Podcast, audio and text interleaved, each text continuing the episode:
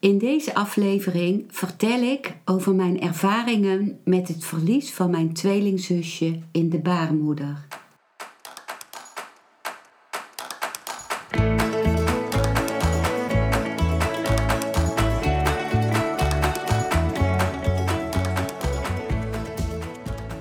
Welkom bij een nieuwe aflevering van Modita's podcast Van Pijn naar Zijn.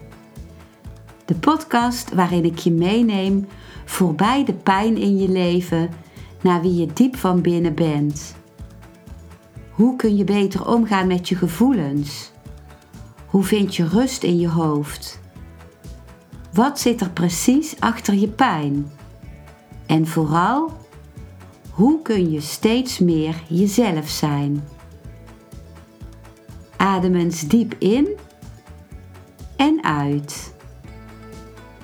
Ik wens je veel luisterplezier.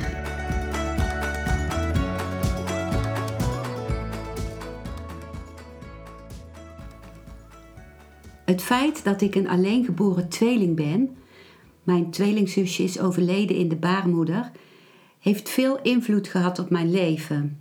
Het is een van de wortels van de depressies en de eetproblemen die ik in mijn leven heb gehad maar het is ook een bron van rijkdom.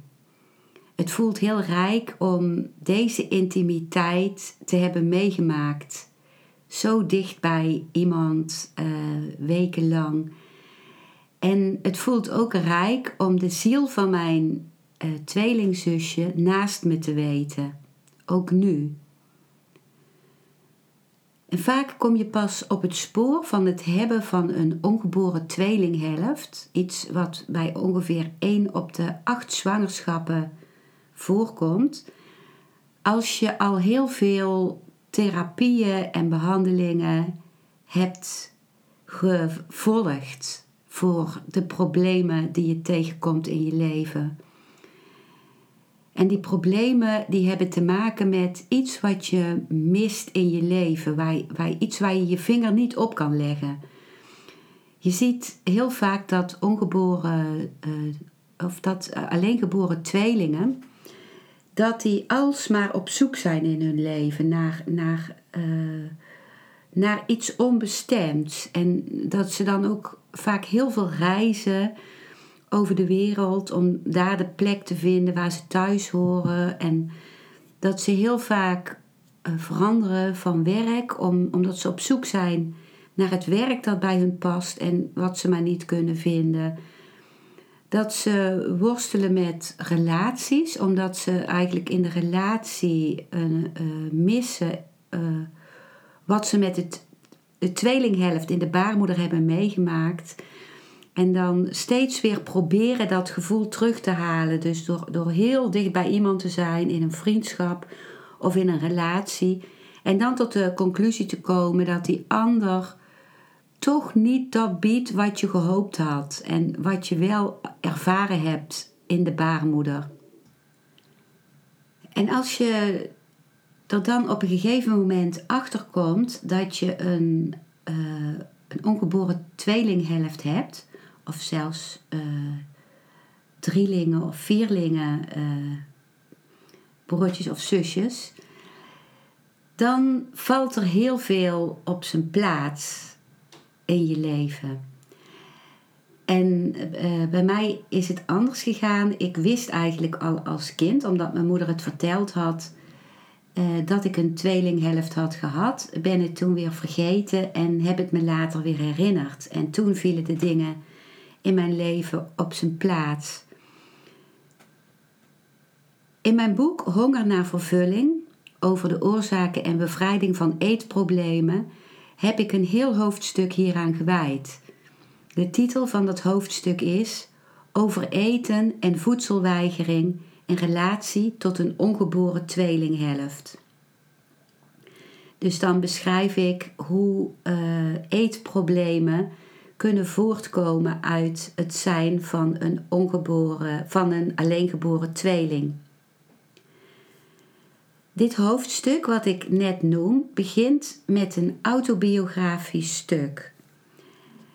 En dat eh, lees ik nu voor. De inleiding van dat autobiografische stuk en het autobiografische stuk zelf. Dus hier volgen de woorden uit mijn boek Honger naar vervulling. Wat is een alleengeboren tweeling?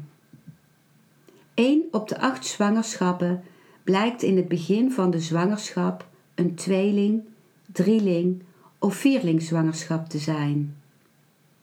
Vaak merkt de moeder daar niets van. Soms heeft ze in het eerste trimester van de zwangerschap een bloeding. Meestal ontdekt iemand zijn of haar ongeboren tweelinghelft pas bij een familieopstelling, regressietherapie, kinesiologie, een craniosacraalbehandeling of bij het lezen van een boek over alleengeboren tweelingen.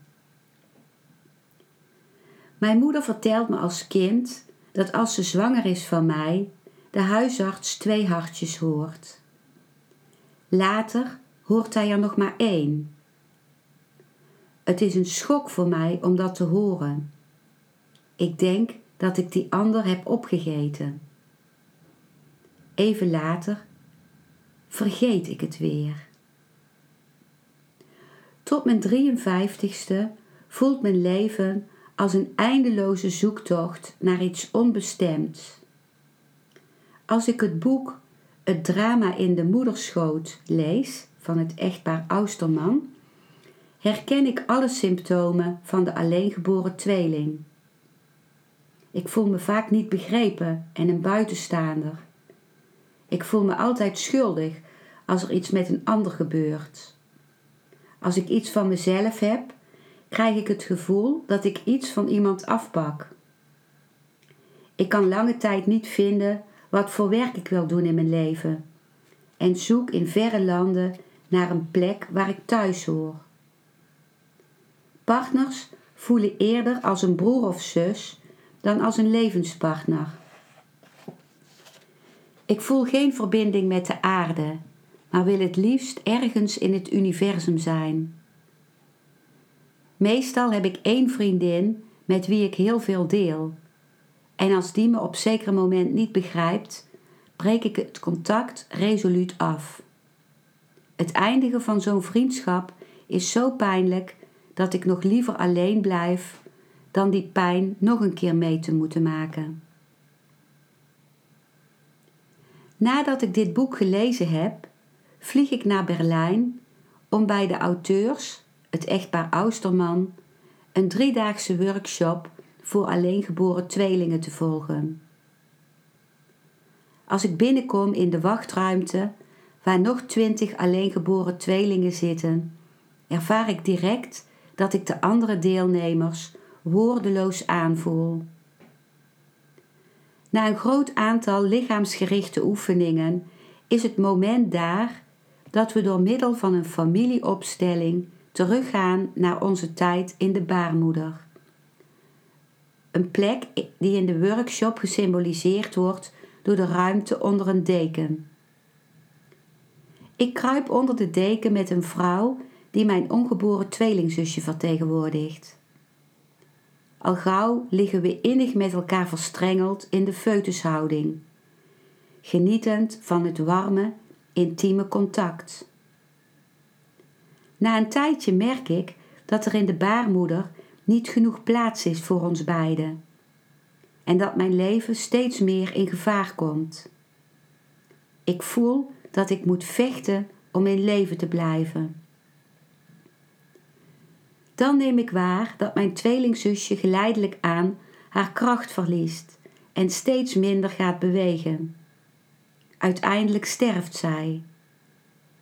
Ik ben intens verdrietig.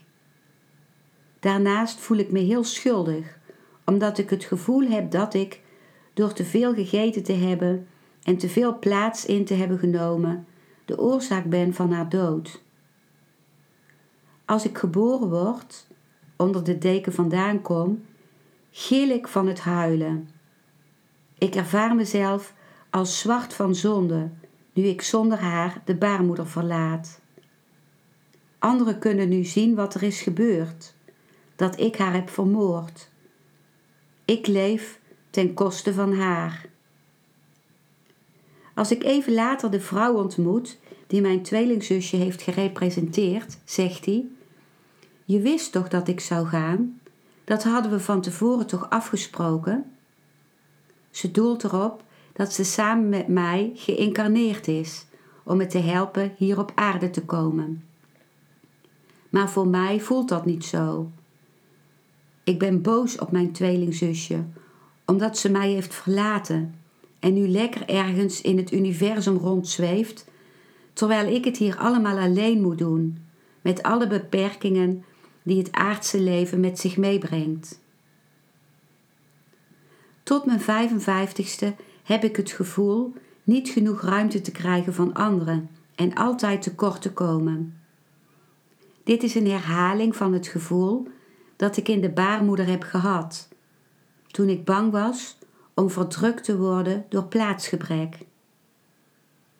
Als ik het alleengeboren tweelingtrauma uiteindelijk in therapieën verwerk, verdwijnt het gevoel van tekortkomen en blijkt er genoeg te zijn voor mij. Omdat ik nu mijn tweelinghelft dicht bij me weet, voel ik me voor het eerst compleet. Ik ervaar meer rust en heb er nu begrip voor dat ik in het verleden altijd aan het zoeken ben geweest en me nooit begrepen heb gevoeld. Ik snap nu ook dat ik zo bang ben om een vriend of vriendin te verliezen, omdat dit me herinnert aan het trauma in de baarmoeder. Ik ben er dankbaar voor dat ik zo'n diepe intimiteit gekend heb. Een woordeloos begrijpen van een ander. Een nabijheid die ik in mijn leven nooit had kunnen ervaren als ik niet in zo'n nauw contact was geweest met mijn tweelingzusje. Dit waren de woorden uit mijn autobiografie, uit mijn boek uh, Honger naar vervulling, die ik in deze aflevering wilde delen. In de rest van dit hoofdstuk uh, spits ik uh, het hoofdstuk toe op de relatie tussen het zijn van een alleengeboren tweeling en het hebben van eetproblemen. Dus daar komen aan bod wat uh, het alleengeboren tweeling zijn, uh, wat de relatie daarmee is met een moeizame relatie met de moeder, met het zich moeilijk kunnen aanpassen aan anderen, met uh, het gat wat, uh, wat iemand in zich voelt met verdwijnen, willen verdwijnen, met willen eten voor twee bij de eetbuien, met het niet weten hoeveel te eten, met het gevoel een slecht mens te zijn, met verwarring over het geslacht, ben ik nu een vrouw of een man, en met uh, moeite met contacten. Dus dat kun je allemaal lezen in dat hoofdstuk. En tenslotte ook uh, de relatie met het uh, heel veel willen presteren en het niet mogen genieten. Ik kan ook uh, van harte aanbevelen als je een alleengeboren tweeling bent of het vermoeden hebt een alleengeboren tweeling te zijn, het boek te lezen Het drama in de moederschoot van het echtpaar Austerman uh, dat ik zal vermelden in de beschrijving onder deze podcast. Dus als je, ehm, ook als je uh, nog nooit hebt nagedacht over ben ik wel of geen alleengeboren tweeling, of uh, ben je deel geweest in de baarmoeder van een drieling of een vierling, en je herkent bepaalde dingen in deze podcastaflevering, dan raad ik je aan om dat boek te lezen, een drama in de, Het drama in de moederschoot. Um, en als je je herkent in wat ik heb gezegd over de relatie met eetproblemen, dan raad ik je van harte aan om mijn boek Honger naar vervulling te lezen. En um, mocht je in een familieopstelling meer helderheid willen krijgen over dit thema, dan ben je ook bij mij van harte welkom. Ik zal ook de link naar mijn familieopstellingen pagina op mijn website in de beschrijving onder deze aflevering vermelden. Verder ehm, zend ik over twee weken de, eh, een aflevering uit. Uh, dat, is, dat wordt aflevering 32 over een interview met Joyce Becker, die ook een alleengeboren tweeling is. En van wie haar boek um, Life Without Grace gepubliceerd gaat worden uh, ergens in oktober. Dus, uh, dus dan zal ik ook de link naar haar boek in die aflevering onder de podcastaflevering zetten. Dus er komt een vervolg op deze aflevering. Dankjewel voor het luisteren naar deze aflevering. Ik hoop dat hij je een nieuw inzicht of perspectief heeft gegeven.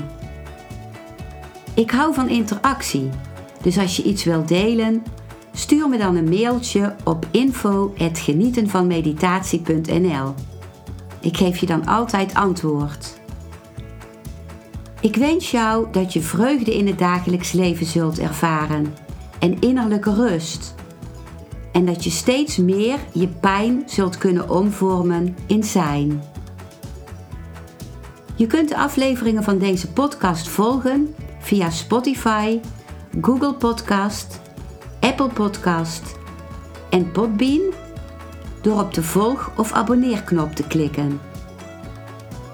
Als je luistert via de Apple Podcast, dat kan alleen als je een iPhone hebt, heb je een extra voordeel omdat als je op de knop abonneren klikt, je steeds een berichtje op je mobiele telefoon ontvangt als er weer een volgende aflevering van mijn podcast verschijnt.